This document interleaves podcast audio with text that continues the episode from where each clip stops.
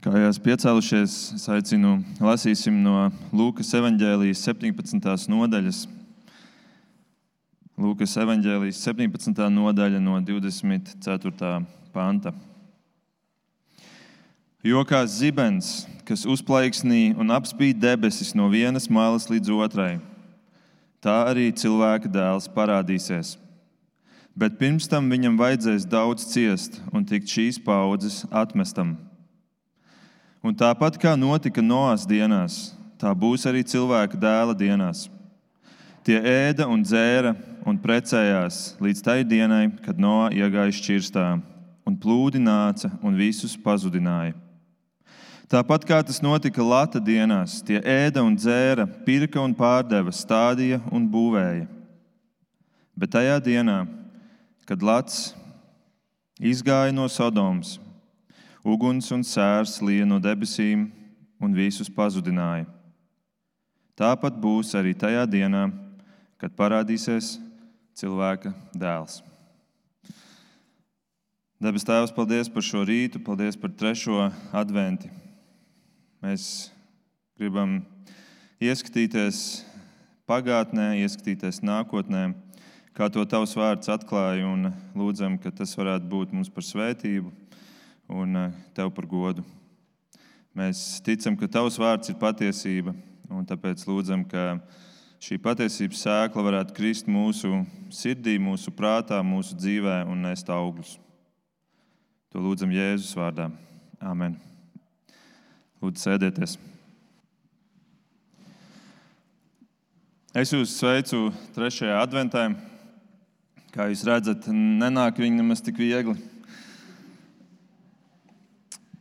Advents nozīmē nākšana. Jēzum tā ir nākšana, mums tā ir gaidīšana, nākšana, gaidīšana. Gaidīšana uz Immanuēlu un Immanuēls nozīmē Dievs ar mums. Tas ir viens no Jēzus vārdiem, viens no viņa saukļiem, viens no viņa vārdiem, man liekas, viens no skaistākajiem - Dievs ar mums. Un, tāpēc arī šādi mēs esam nosaukuši šo svētdienu sēriju šim adventu laikam Dievs ar mums. Un, kā jau jūs, kādi no jums zina, mēs esam jau kāpuši kalnā, pēc tam kāpuši ielā. Mēs dosimies tūkstnesī, Bet šodien mēs gribam piestāt mazliet pilsētā. Dievs ar mums pilsētā. Pilsēta. Kas ir pilsēta? Ko nozīmē pilsēta? Kāda ir pilsēta? Ko pilsēta dara ar cilvēku? Vārds pilsēta etimoloģiski ir veidojies kā saliktenis latviešu valodā no diviem vārdiem - pils un sēta. Pilsēta. Un, uh, agrāk tas bija amatnieku un tirgotāju apmetnes pie pils, pie karaļu pils. Un, uh, tad ar laiku arī izveidojās uh, iedzīvotāju mājokļi tur. Tādā veidā pilsēta kļuva par vietu, kur cilvēki dzīvo. Pilsēta. Un pilsēta bija aizsargāta vieta. Tā bija cita dzīve nekā laukos. Laukos, kur tu esi savā viensētas mierā, kur tu esi pie dabas krūts. Pilsētā ir cita dzīve, dzīve, kas ir daudz blīvāka. Cilvēki tev visapkārt ir pa labi, pa kreisi. Daudz sociālāka vide, tur ir dažādas nodarbes, visādas iespējas, plašs piedāvājums pieejams. Šī dzīve ir straujāka, šī dzīve ir skaļāka, stresaināka, mēs varētu teikt. Un tā ir ikdiena, kurā, protams, līdz ar to ir mazāk klusuma, mazāk vienatnes, mazāk iespēju dzirdēt savas sirds balsi un dzirdēt dieva balsi. Vai tu arī dzīvo pilsētā? Tad varbūt mazliet zini un spēj identificēties ar šiem izaicinājumiem, ko nozīmē būt pilsētniekam. Vai tavas pēdējās dienas, varbūt nedēļas, arī ir bijušas straujas, skaļas, stresainas? Vai tā ikdiena arī tevi ir ierāvusi tā, ka tev pietrūkst to miera brīžu, ka tava dzīve vairāk ilgojas pēc miera, nevis pēc jaunām aktivitātēm, jaunām nodarbēm, jauniem uzdevumiem? bet vairāk pēc miera, kuros pagriezties arī pret Dievu, pagriezties pret Kristu. Advents ir laiks, kurā mēs esam aicināti to darīt, esam aicināti piebremzēt. Diemžēl mēs redzam, ka parasti sanāk pretējais. Vakar bijām veikalā, lielveikalā, un tur redzi, ka jā, ir pienācis adventa laiks. Ir pilns ar cilvēkiem, visi skrien, kaut ko pērk reti, kuram ir smaids sejā redzams. Daudz vairāk uztraukumu, krunkas sejā. Bet adventa laiks ir laiks, kurā mēs esam aicināti piebremzēt, apstāties, novērtēt no jauna, ka Dievs ir ar mums, ka Viņš ir ar mums. Viņš tiešām ir ar mums, pat ja mēs neesam ar viņu tik bieži, kā mēs gribētu un kā viņš gribētu. Ka mums varbūt nav laika nākt pie viņa, bet mēs varam būt droši, ka viņš ir ar mums un viņš ir vienmēr pieejams mums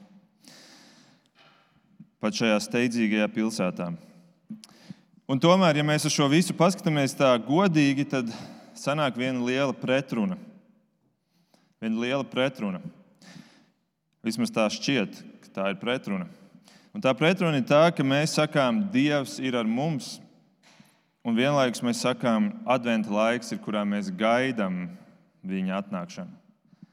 Tā tad pretruna, tad kā tad ir īsti? Tad viņš ir ar mums, vai mēs tomēr viņu gaidām? Un atbildi ir meklējama tajā, kuru Jēzus atnākšanu mēs gaidām. Adventā, protams, uzsvers ir uz to Ziemassvētku atnākšanu, kur Jēzus kā mazs zīdains ienāk šajā pasaulē. Protams, ka tur ir uzsvers uz to pirmo atnākšanu. Bet es gribu teikt, ka Advents ir patiesībā daudz vairāk par Jēzus otro atnākšanu nekā par pirmo. Es apzinos, ka kādi varbūt nepiekritīs šai domai, jo advents taču ir par Ziemassvētkiem un, un viss, ko mēs redzam, liecina par to. Bet ar Dievu ir tā interesanti. Bieži vien tas, ko Viņš pasaka, ko Viņš izdara, ko Viņš sludina, ko Viņš apsola, tam ir divas dimensijas. Un bieži vien šīs, šis Dieva izteiktais, Dieva solītais attiecās uz divām, diviem notikumiem, divām ērām, diviem, divām dimensijām. Un es domāju, ka arī adventa jautājumā mēs, mums ir jāieraug šīs abas puses, kur mēs redzam, ka pirmais notikums jau ir noticis, tā ir pagātne. Tur mēs arī neko vairs nevaram mainīt. Tā ir pagātne. Mēs varam vienīgi atskatīties uz viņu, pateikties Dievam par viņu. Bet ir otra dimensija, otra ēra, otrs laiks, kurš vēl mums stāv priekšā. Un tas stāv priekšā mums katram, mums katram, kurš esam šodien šeit. Un tur mēs ļoti daudz ko varam mainīt.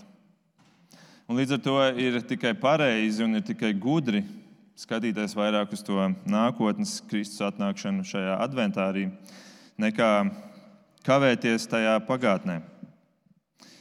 Šajā nākotnē patiesībā izšķirsies visa mūsu mūžības eksistence.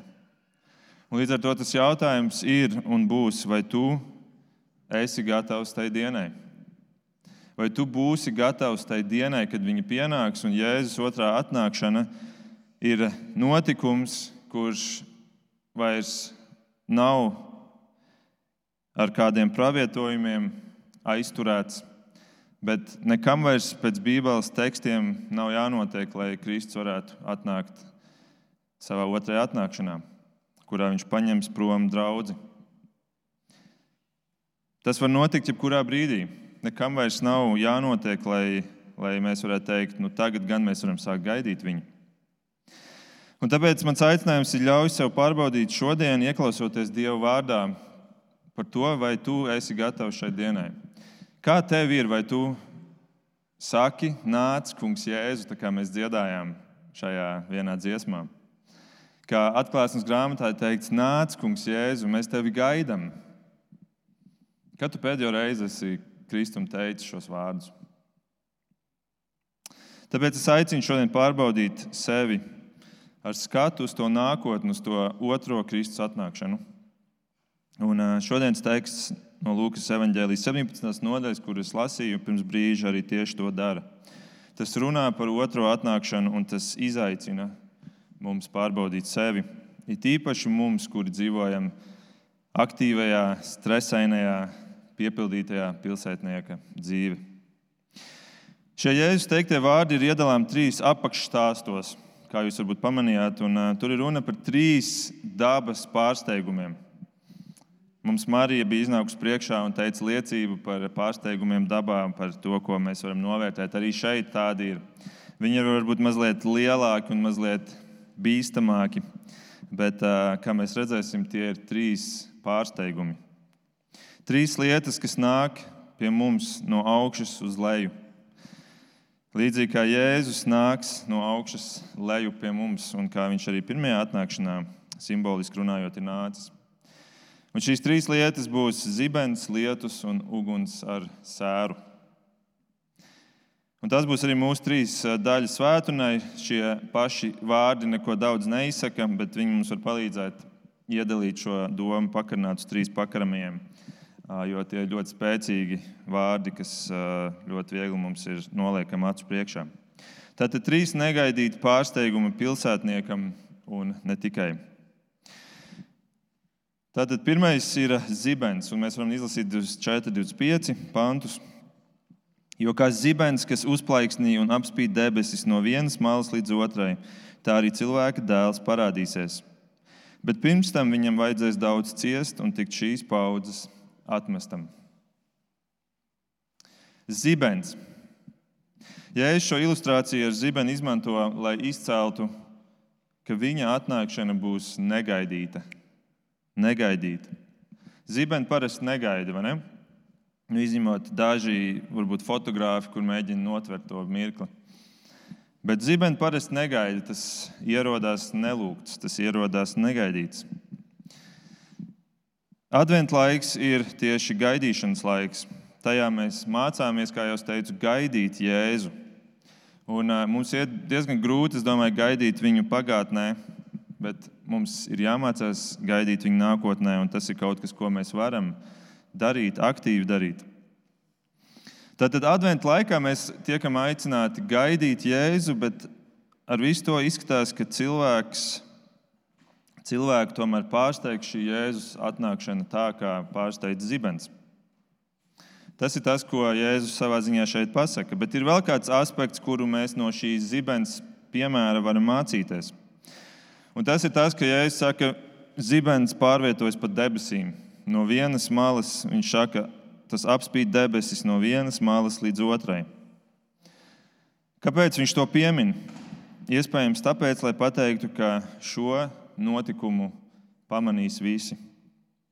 Tāpat kā tu zibeni redzi, kur viņš ir pie debesīm, un tu to nevari tumšā brīdī nepamanīt, tāpat būs ar viņa atnākšanu. Tas būs notikums, kuru nevar palaist garām, kuru neviens nepalaidīs garām. Un viņš to saka, jo izrādās, ka ir viena izplatīta problēma, kuru viņš izskaidro divos pantos iepriekš. Mēs varam ātri ieskatīties mazliet atpakaļ, 22, 23, kur viņš saka, Nāks dienas, kad jūs ilgosieties redzēt kaut vienu cilvēka dēla dienu, bet neredzēsiet. Un kad jums kāds sacīs, redzi šeit, redzi tur, Neiet un neskrieniet tam pakaļ. Tātad pirms Jēzus otrās atnākšanas būs laiki, kuros būs grūti atrast Jēzu, kuros būs grūti atšķirt Kristu. Būs daudzi, kuri teiks, re, kur viņš ir, te viņš ir, pie mums viņš ir. Ej uz to draugu, ej uz šo konfesiju, nāc pie šī sludinātāja, jo šeit ir atrodams tas Kristus. Viņš ir atnācis. Tas iespēja tik tālu, ka kāds apgalvos, ka viņš fiziski ir jau ieradies un ka līdz ar to ir jau notikusi Kristus otrā atnākšana. Un, ziniet, patiesībā tas notiek jau šodien.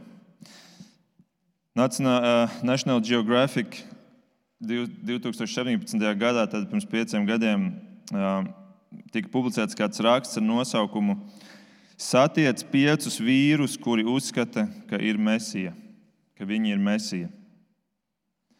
Pieci vīri, kuri šobrīd dzīvo un māca, ka viņi ir Jēzus, kuri ir atnākuši otro reizi.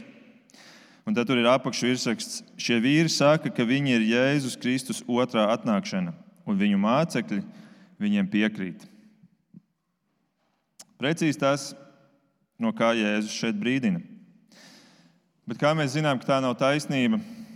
Mēs to zinām no šodienas teksta, jo Jēzus pats saka, ka viņa atnākšanu neviens nepalaidīs garām. Tā būs kā zibens, kas pārvietojas pa debesīm un būs redzams visiem. Bet šī naivā pieķeršanās viltus kristam, kristum un viltus evaņģēlijiem būs izteikti pazīme pirms tiem laikiem, kad Jēzus nāks otro reizi. Arī Pāvils par to brīdināja savu mācekli Timoteju, kad viņš raksta viņam otrajā vēstulē, 4. nodaļā, ka būs laiks, kad ļaudis vairs necietīs veselīgo mācību, bet savas iekārtas dzīti pulcinās sev tādus skolotājus, kas glaimo viņu dzirdēju. Viņi novērsīs savas ausis no patiesības un pievērsīsies mītiem.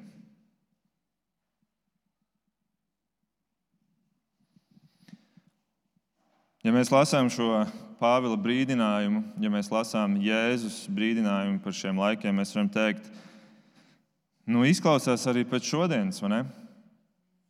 Iespējams, to teica arī daudzu iepriekšējo gadsimtu kristieši, lasot šo tekstu par saviem laikiem.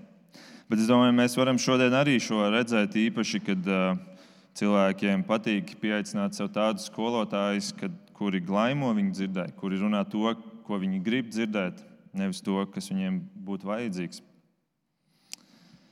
Bet ir grūti atrast to īsto jēzu, ja nav laika viņu meklēt. Ir mazliet naivi tā dzīvot ar tādu apziņu, ka nu jā, Jēzus jau pats, pats uzradīsies man.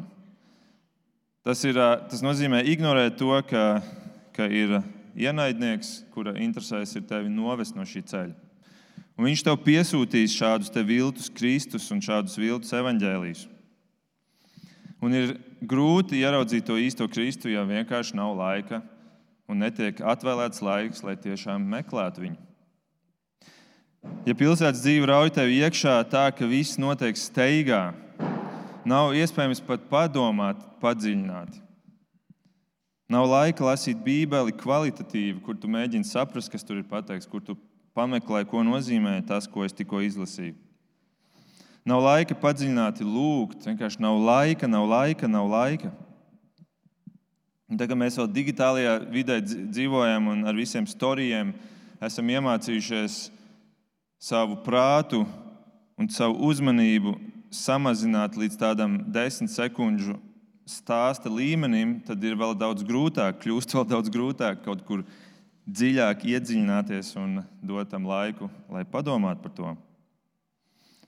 Un tad tādā vidē sāk, protams, uzrunāt vairāk tie sludinātāji, kuri ir izklaidējoši, kuri, kuri tevi izklaidē, kuri runa atbilst tam, ko tu vēlies dzirdēt, nevis tam, ko tev vajadzētu dzirdēt.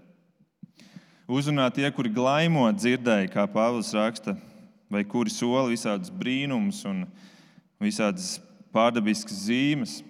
Tādēļ es nebrīnos, ka populārākā konfesija šobrīd ir tieši tā, kura savā repertuārā ir iekļāvusi visādas dziedināšanas, visādas eksorcismus, zīmju, dāvanas tā saucamās. Un tomēr tieši šīs zīmes ir minētas tajā bēdīgi slavenajā tekstā, kurš arī atskan mūsu draudzē ik pa laikam no Kalnu svētrunas, kur Jēzus Matei 7 saka, ka ka daudz tajā dienā man sacīs, kungs, kungs, vai mēs tavā vārdā nepravietojām. Tas taču ir, tas ir kaut kas uh, interesants, ka ir noteikti šādi pravietojumi, ka cilvēks stāsta, ka Dievs uz viņiem tiešā veidā runā. Un, un, un, un ka tā tad šeit ir kaut kas, kaut kāds, kaut kas pārdabisks notiek. Tālāk viņi saka, vai mēs tavā vārdā neizdzinām dēmonus. Vai tavā vārdā daudz brīnumainus darbus nedarījām? Šodienas magnēts, šeit ir runa par šo šodienas magnētu. Un tad es tiem apliecināšu, ja Jēzus saka, es jūs nekad neesmu pazinis, nos no manis, jūs ļauna darītāji. šie šokējošie vārdi, es jūs nekad neesmu pazinis ar visu šo brīnumaino eksorcismu un, un visām šīm pravietošanām un šiem brīnumiem, kas it kā Jēzus vārdā ir darīti, Jēzus atbild, es jūs nekad neesmu pazinis. Ārprāts. Kā zibens no zilām debesīm. Viņi bija atraduši citu Kristu un sekojuši šim Kristum. Tādēļ, ja šodienas tekstā sāku, mēs atgriežamies pie mūsu Lūkas 17. 25. pantā, bet pirms tam viņam vajadzēs daudz ciest un tikt šīs paudzes atmestam. Tajā pirmajā Jēzus atnākšanā notika arī šī atmešana. Šī tā paudze atmeta Kristu, un tāpēc Kristus nonāca Golgātā un nomira. Bet tas pats notiks arī otrajā atnākšanas laikā. Kristus tiks atmests. Un mēs varam teikt, postkristīgie rietumi šodien tieši to dara. Nodarbojas ar masveida Kristus atmešanu. Draudzes kļūst liberālas, garīdznieki pavalks uz labklājības evaņģēliju. Cilvēki atmet Kristu un pievēršās ateismam. Maina ne tikai savu garīgo identitāti, bet redz, maina arī savu fizisko, savu dzimuma identitāti dabīgo seksuālo orientāciju ir aizvietojuši ar izdomātu pretdabisku. Un tas viss notiek kurā pasaules daļā? Tieši tā, kristīgajā. Mēs varētu vēl saprast, ja tas notika tajā, kur ateisms eh, valda, vai kur musulmaņi, vai kur uh, austrumu reliģijas uh, dominē. Bet tieši kristietībā, tieši tajās kristīgajās valstīs, kuras ir pēdējos gadsimtus cēlušas visu pasauli uz augšu. Cik ironiski, vai ne? Lūk, tā ir atmešana. Un kā tas notika? Kā tas notika? Pirms notiek globāla atmešana, tā vienmēr sākas ar individuālām atmešanām. Tā vienmēr sākas ar individuālām atmešanām. Un šī urbānā aizņemtība ir tā, kas, ar ko viss var sākties. Ļoti neveselīga vide, kurā vairs nav laika kristum un ielavās visādi viltojumi, kurus tu pieņem, jo tev nav laika šķirot, tev nav laika pārbaudīt. Redziet, tādēļ Jēzus šodienas vārdi par zibeni un par viņa gaidīšanu ir kā adventa atgādinājums tev un man. Nepazaudēt popkultūras mīkstajos divānos, kuros mācāmies algt pēc arvien vairāk tādas izklaides, kur mums kaut ko dod, un mēs šķirojam, vai ir interesanti vai nav interesanti. Tas ir galvenais kriterijs. Nepazaudēt to laiku, kurā mēs dodam tomēr vārdu Dievam mūsu dzīvēm. Un tādēļ būs tik daudzi, kuri negaidīs viņu. Un man, diemžēl, jāsaka, ir noteikti daudzi, kuri negaida viņu šodien, kuri nedomā tādās kategorijās, nāc, kungs, jēzu, nāc drīz. Un ir skumji teikt, ka tīri statistiski rēķinot, arī mūsu vidū šodien, šeit, kuri mēs šeit esam sapulcējušies, ir daļa, kurā viņu negaida. Un, ja tu negaidi šodien, kādēļ, lai tu gaidītu viņu tajā dienā, kad viņš nāks? Lūks 18. nākamajā nodaļā Jēzus saka par to laiku, kad viņš nāks. Viņš saka, bet vai cilvēka dēls, kad tas nāks, atradīs ticību virs zemes? Vai viņš atradīs to? Bet, ziniet, tā kā viņš šeit runā par otro atnākšanu, patiesībā jau bija arī pirmajā atnākšanā. Vai viņu gaidīja pirmajā atnākšanā? Vai Betlēmē viņu gaidīja? Iedomājieties, varētu padomāt, gan jau kāda sieviete, redzot, ka pie durvīm klauvē cita sieviete, kurai ir 9. mēnesī uh, grūtniecība, gan jau ka viņa apžēlosies un ielaidīs savā istabā. Nu, ja ne tas, tas saimnieks, kurš tās durvis var vaļā, nu, tad viņa sieva vismaz. Nekā viņu šeit negaidīja. Un tādēļ Jēzum tika atvēlēta kūts, kura noteikti smirdēja pēc lopu sūdiem. Un tas nērtais jautājums tev un man šodien ir, kādā mājoklī mēs esam gatavi viņu ielaist?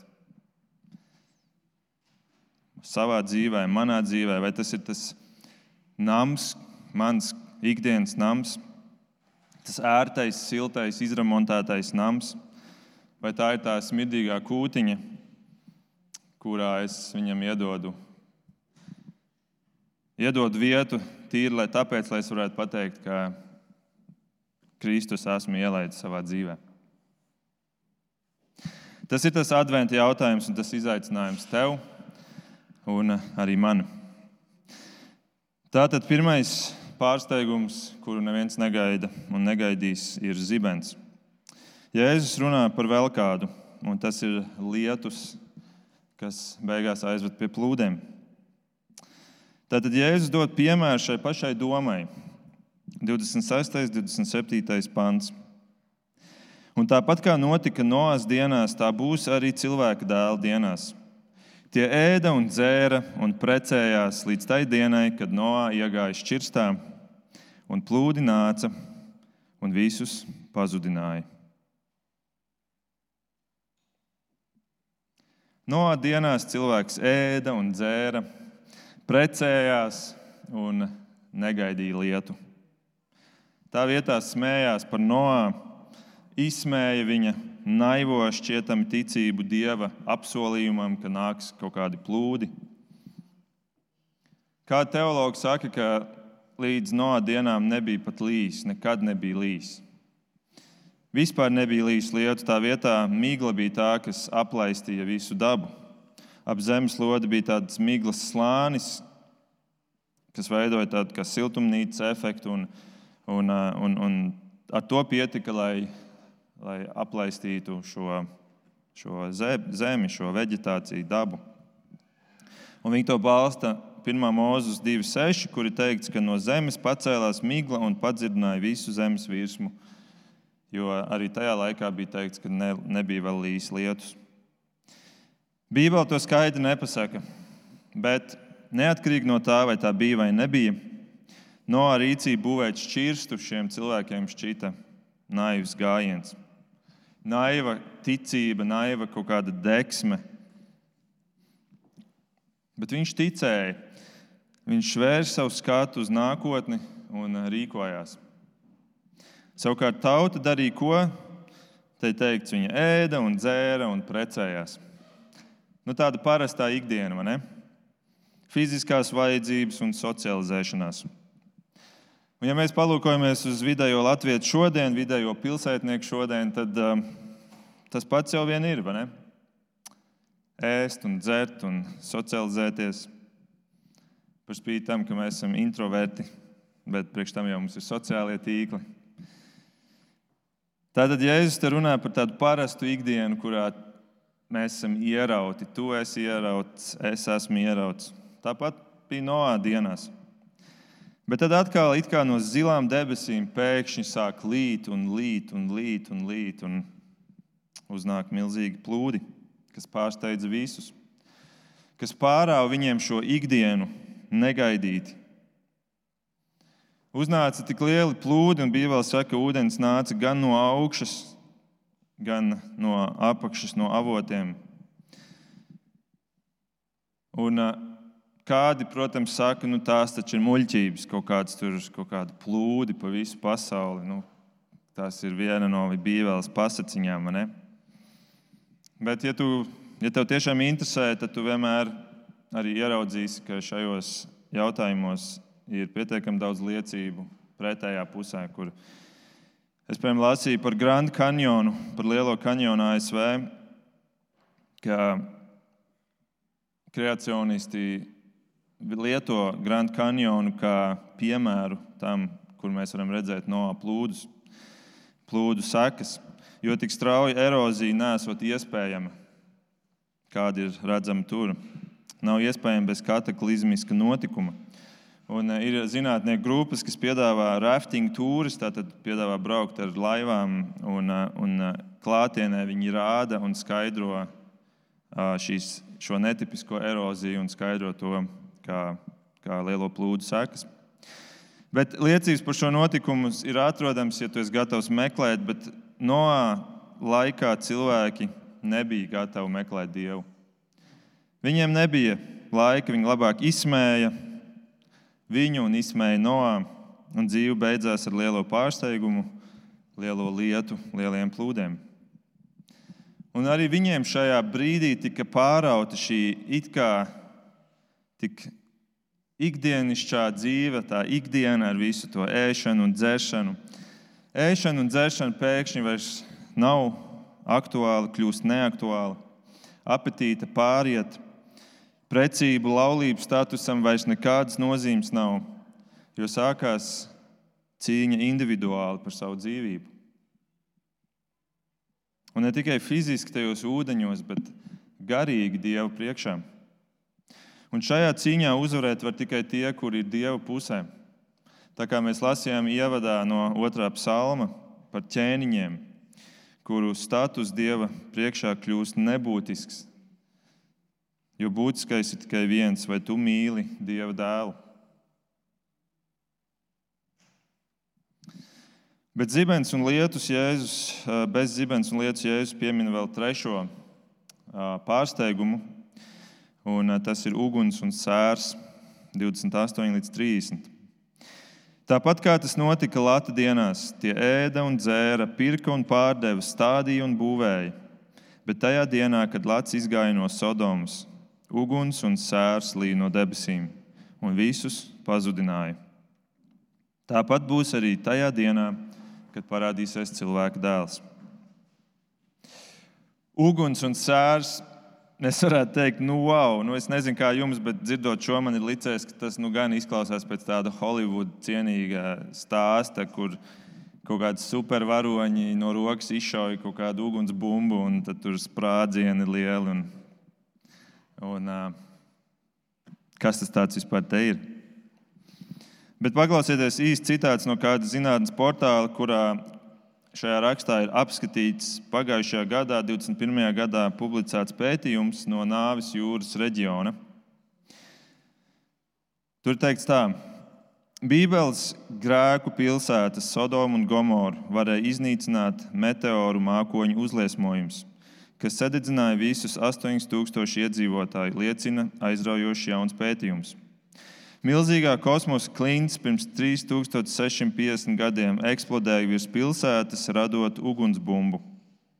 Zinātnieki saka, ka šis pats notikums varētu būt arī izraisījis ģērikas mūru nobrukšanu, jo šī pilsēta atradās tikai 20 jūdžu attālumā. Jūs atceraties, tas stāsts, ja, kur Izraels iet apkārt ģērikas mūriem.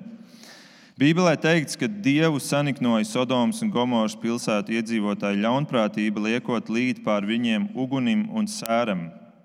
Šķiet, ka tagad ir pārliecinoši pierādījumi tam, ka ap to laiku patiešām notika debesu notikums. Kosmiskā nelaime izpostīja Jordānas upes ielējas ziemeļu krastu, nolīdzinot gar zemi 40 hektāru lielu pilsētu. Tas arī iznīcināja citas pilsētas un vairākus mazus ciematus.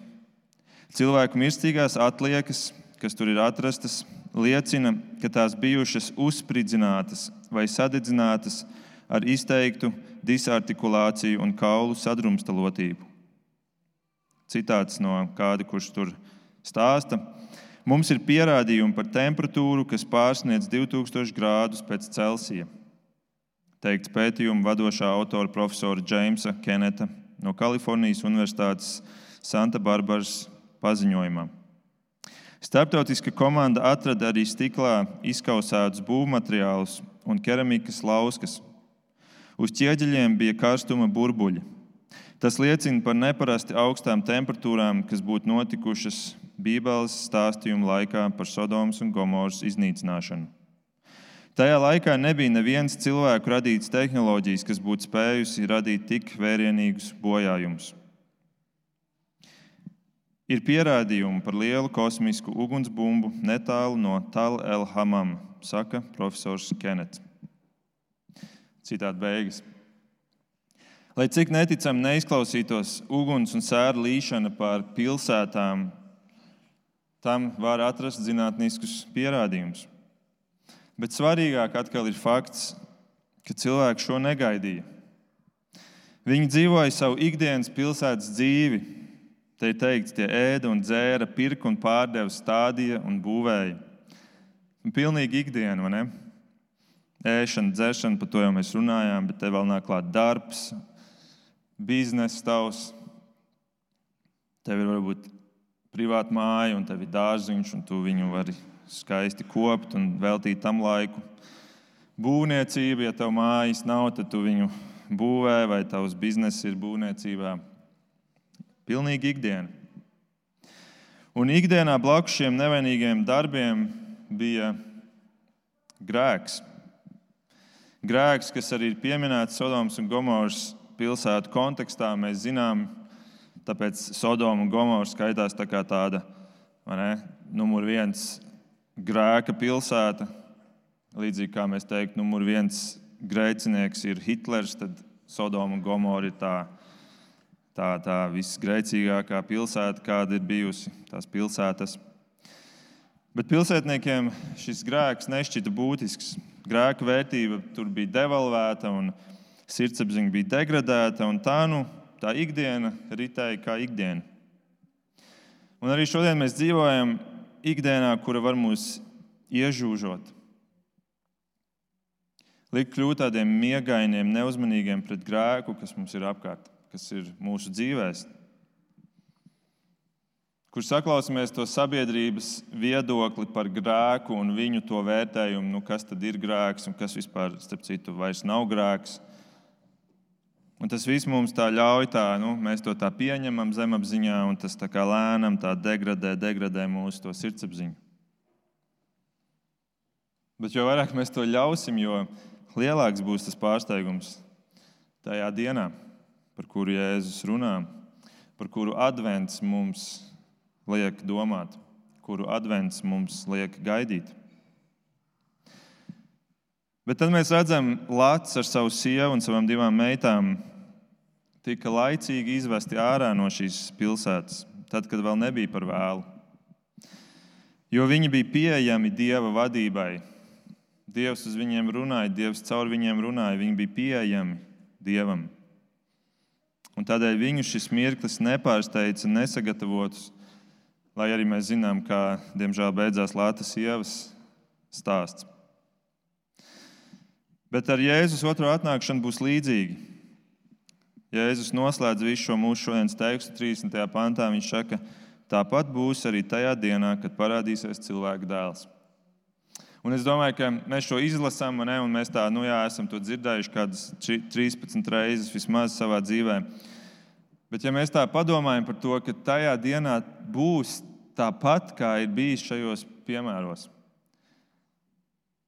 tā būs tā ikdiena, kurā tu dzīvo, kurā tev viss liekas normāli, tev ir tās tavas problēmas, ar kurām tu cīnies, tavi izaicinājumi, kas tev ir jārisina.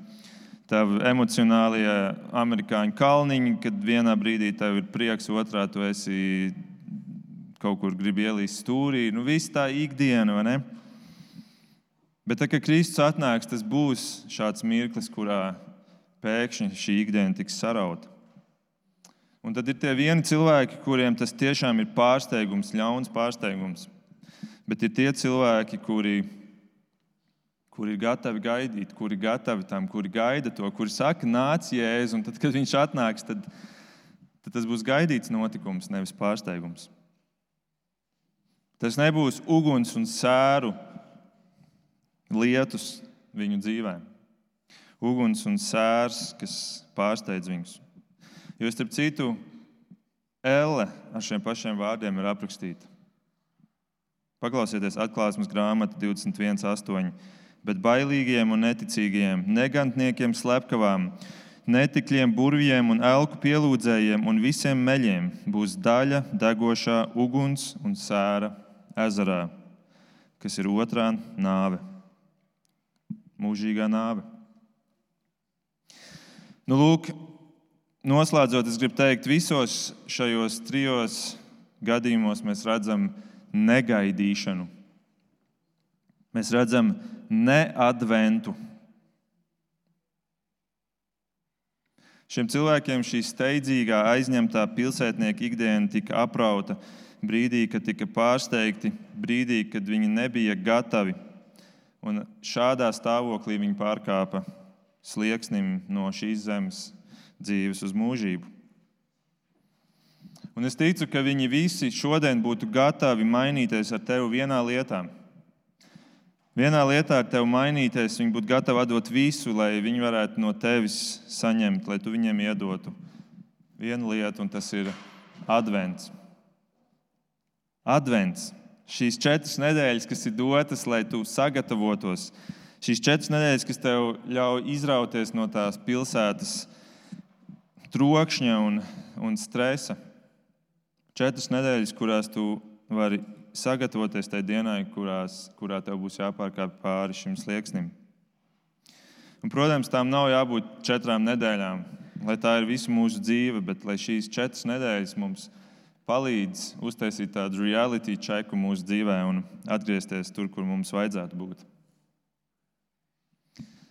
Un pārkāpt šim slieksnim pāri, tas būs mums katram jādara. Nav variantu, mēs visi to darīsim agrāk vai vēlāk. Bet jautājums būs tikai viens, vai tu būsi gatavs tajā dienā to darīt? Vai tu būsi aktīvi gatavojies, sagatavojies tam, vai arī tu būsi pasīvs bijis un šis jautājums, šis brīdis tev pārsteigs? Lai Dievs palīdz mums um, atbildēt uz šo, un um, lai Viņš svētī mūs šajā adventu laikā. Lūksim Dievu. Debes Tēvs, paldies par šo skaisto dzīvi. Paldies, Kungs, ka mēs ienākot šajā pasaulē kā mazi bērni, tikai lēnām sākam apjaust, kur mēs esam nokļuvuši. Kad Tavs vārds mums parāda, no kurienes nāk visa šī pasaule un uz kurien tā dodas, no kurienes nāk mūsu dzīve un uz kurieni tā ved mūsu. Un eh, palīdz, ka mēs nedzīvotu tikai šodienai, kā to māca šodien populāri, dzīvo šodienai, bet eh, ka mēs tomēr turētu savu skatu gan atpakaļ uz to notikumu, kur mēs varam Ziemassvētkos svinēt, bet ka šis notikums mums būtu kā tāds spogulis, kas ved pretī nākotnē un rāda mums to, kas vēl ir aiz mums, un ka mēs varam gatavoties šai dienai, Kungs. Es tev lūdzu, ka mēs katrs varētu šajā laikā tev patiesi arī teikt, ka mēs gaidām, Kungs, tavu nākšanu. Ka mēs varētu tev teikt, tiešām nāc Jēzu drīz. Ka mums šī dzīve, šī ikdiena ar visām ēšanām un dzeršanām un visām laulībām un ar ar darbu, biznesu, ar skaistajām mājām un ar visu pārējo, ka tā nebūtu mums mīļāka par to dienu, kurā mēs gaidīsim tevi. Ka mēs būtu gatavi teikt, nevis ka ļauj mums vēl ilgi dzīvot uz šīs zemes, šo komfortablo dzīvi, bet um, pateikties tev par to, apbrīnot tevi par to, izteikt tev atzinību par visu to, kas šeit ir, bet vienlaikus turēt to skatu uz to mūžību un teikt, nāc, kungs, drīz. To mēs lūdzam Tev Jēzus vārdā.